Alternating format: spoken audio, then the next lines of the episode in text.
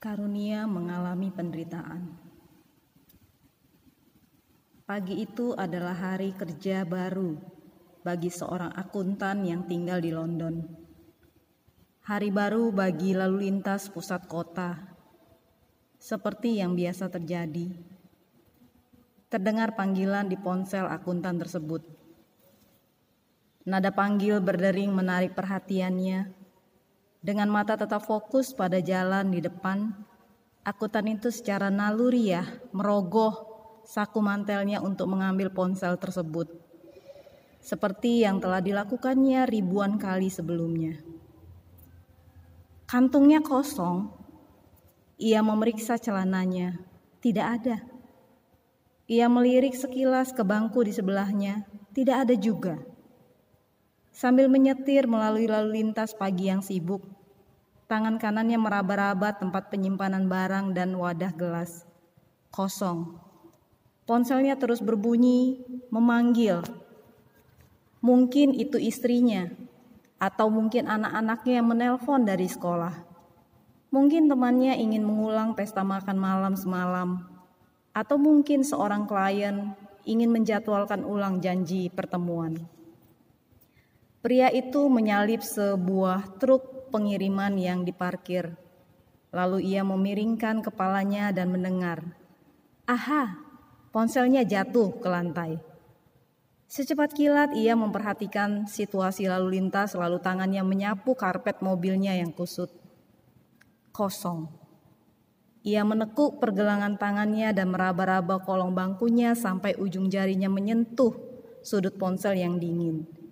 Ye, ia bergeser ke tepi kursinya, menurunkan bahu badannya, merenggangkan lengannya dan membiarkan jari-jarinya seperti kepiting dengan hati-hati ia meraih ponsel itu. Bruk. Mobil itu memelesat naik ke atas trotoar. Ia tersentak. Kedua tangannya segera memegang kemudi. Kakinya mencari menginjak rem saat bruk. Sosok tubuh seorang laki-laki.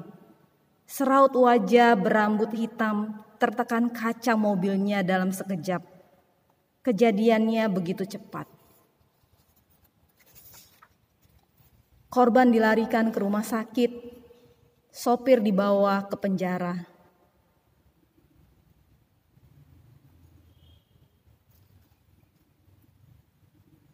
Korban kecelakaan itu mengalami koma, memakai alat bantu agar bisa bertahan hidup. Sang korban memiliki seorang istri dan seorang putra berusia enam tahun. Para dokter memberitahu istrinya bahwa sang korban tidak mempunyai peluang untuk sembuh. Otaknya hampir tidak beraktivitas. Organ-organ tubuhnya rusak parah hanya ventilator, mesin dialisis, dan monitor jantung yang menopang hidupnya. Namun demikian, sang istri dan anak laki-lakinya tinggal di rumah sakit berdoa untuk keajaiban. Sang istri membacakan bahan bacaan untuk suaminya, berbisik di telinganya, menyuruh putranya bernyanyi, dan membaca buku-buku favoritnya dengan keras. Ia memijat kaki dan tangan suaminya serta mengumpulkan teman-teman dan keluarga untuk berdoa di sekitar tempat tidur suaminya. Akan tetapi, tidak ada yang berubah. Sebulan kemudian para dokter duduk bersama sang istri dan menunjukkan kepadanya hasil scan otak dan tes-tes lainnya suami ibu dan keadaan vegetatif. Ia dibantu bertahan hidup oleh karena mesin. Tidak ada harapan untuk sembuh. Sang istri tahu suaminya tidak menginginkan keadaan ini. Ia pun pulang dan mendamaikan dirinya dengan kenyataan yang mengerikan. Suaminya tidak akan sembuh lagi. Sore berikutnya ia dan putranya pergi ke rumah sakit untuk memberitahu keputusannya. Keputusan yang sangat menyiksa hatinya. Ia menjelaskan kepada putranya apa yang akan terjadi. Staf rumah sakit akan mematikan mesin ventilator dan monitor jantung. Dan mereka akan membiarkan suami dan ayah tercinta mereka pergi. Bocah itu mundur dari ibunya dan berteriak memprotes. Ibu tidak boleh melakukan ini. Jangan biarkan bapak mati. Bocah itu naik ke tempat tidur dan berbaring di samping bapaknya. Ia menempelkan wajahnya di dada bapaknya, melingkarkan lengannya yang kecil di leher bapaknya, lalu menangis. Dengan sabar, lembut, dan penuh kasih sayang, sang ibu menunggu di dekat tempat tidur suaminya yang sekarat itu dan putranya yang tidak dapat dihibur. Sampai akhirnya dengan enggan, bocah itu mengizinkan ibunya memegang tubuhnya yang lemas dan berduka. Sementara mesin ventilator dan monitor jantung dimatikan. Dalam keheningan tubuh sang bapak itu mengambil beberapa napas pendek, dangkal, lalu mengembuskan nafas terakhir yang panjang. Detak jantung melambat hingga berhenti. Ruangan menjadi sunyi. Dan bapak itu pun meninggal.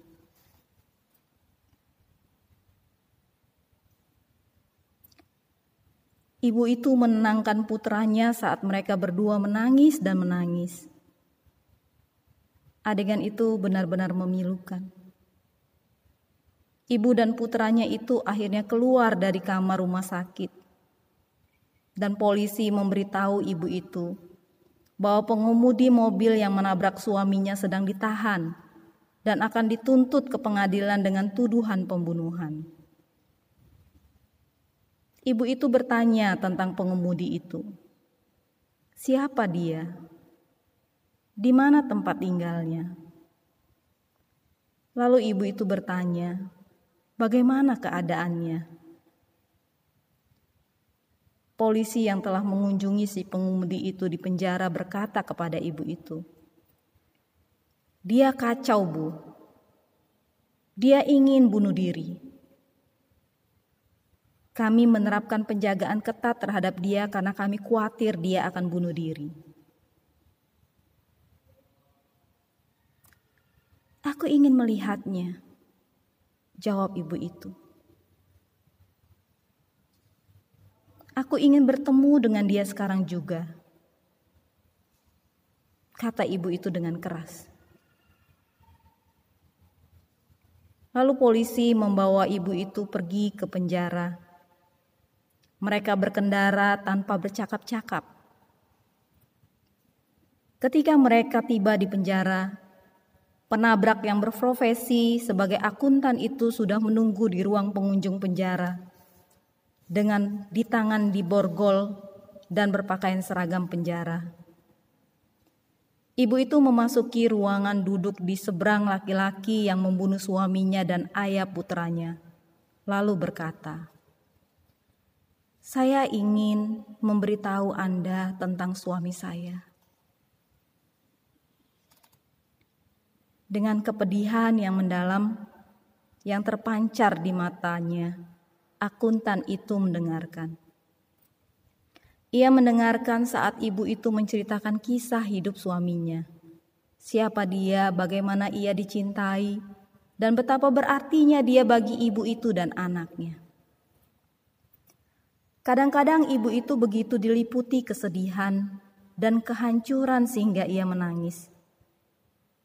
Setiap kali ini terjadi, akuntan itu pun ikut menangis. Akhirnya ibu itu berhenti berbicara lalu diam. Ia menunduk lalu menelungkupkan bahunya ke meja. Tubuhnya terasa tak berdaya. Ia duduk sebentar lalu akhirnya ia mencoba mengumpulkan semangatnya lagi, menarik nafas dalam-dalam, dan mengalihkan perhatiannya kepada akuntan yang menyesal. Mereka bilang kamu ingin bunuh diri. Akuntan itu menatap si ibu dengan pandangan mata yang sembab dan penat. Apakah itu benar? Tanya ibu itu. Dengan suara tenang namun tegar, akuntan itu menjawab, "Ya, itu benar." Ibu itu duduk dan menyimak wajah laki-laki itu menatap matanya. Lalu ibu itu berdiri, berjalan mendekat,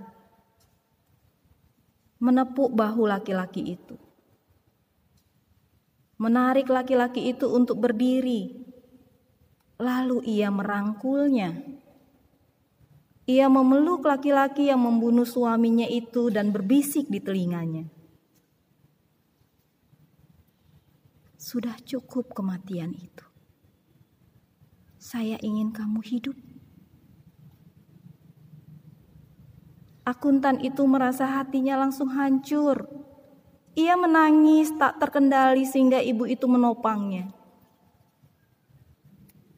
Ketika akhirnya laki-laki itu dapat menahan dirinya, ibu itu melangkah mundur menatap laki-laki itu untuk terakhir kalinya dan mengatakan dengan pasti, "Itu kecelakaan." Ibu itu berbalik, lalu tanpa berkata-kata lagi, ia berjalan pergi. Saudara-saudara yang kekasih, kisah tadi diambil dari buku Karunia Penderitaan. Salah satu babnya mengkisahkan cerita dengan tema karunia mengalami penderitaan. Di saat kita mengalami penderitaan, pada umumnya semua kita berfokus kepada diri kita yang mengalami penderitaan tersebut. Tetapi cerita ini memberikan pesan kepada kita bahwa di dalam penderitaan ada karunia. Karunia apa? Karunia untuk kita melakukan yang baik buat orang lain. Karunia kebaikan untuk kita bisa mengasihi orang lain karunia untuk kita memberikan kesempatan kepada orang lain untuk hidup. Mari, saudara-saudara, dalam masa-masa Tuhan mengizinkan penderitaan kita alami, lihatlah karunia apa yang ada di dalam penderitaan kita itu. Nah, pada kesempatan ini, mari kita mengambil waktu sejenak setelah mendengarkan rekaman ini. Mari kita melakukan refleksi setelah selesai membaca mendengarkan ini. Cobalah mengingat satu momen penderitaan pada masa lalu kita atau pada masa sekarang. Setidaknya yang kita alami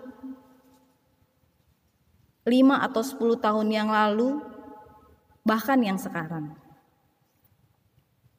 Ketika kita merenungkan pengalaman itu, ambillah selembar kertas dan buatlah daftar. Apa saja yang hilang atau rusak melalui pengalaman tersebut. Setelah itu, pada sisi lain kertas itu buatlah daftar berkat atau hikmat apa yang kita dapat dari pengalaman tersebut. Apa yang kita perhatikan dari daftar itu? Bagaimana peristiwa itu membuat kita lebih dekat kepada Allah atau lebih jauh dari Allah? Tindakan apa yang mungkin ingin kita lakukan ketika kita melihat apa yang telah hilang dan apa yang telah diberikan melalui pengalaman ini? Kiranya Tuhan memberkati kita dengan mencoba merefleksikan cerita ini, kisah ini ke dalam kisah kita. Amin.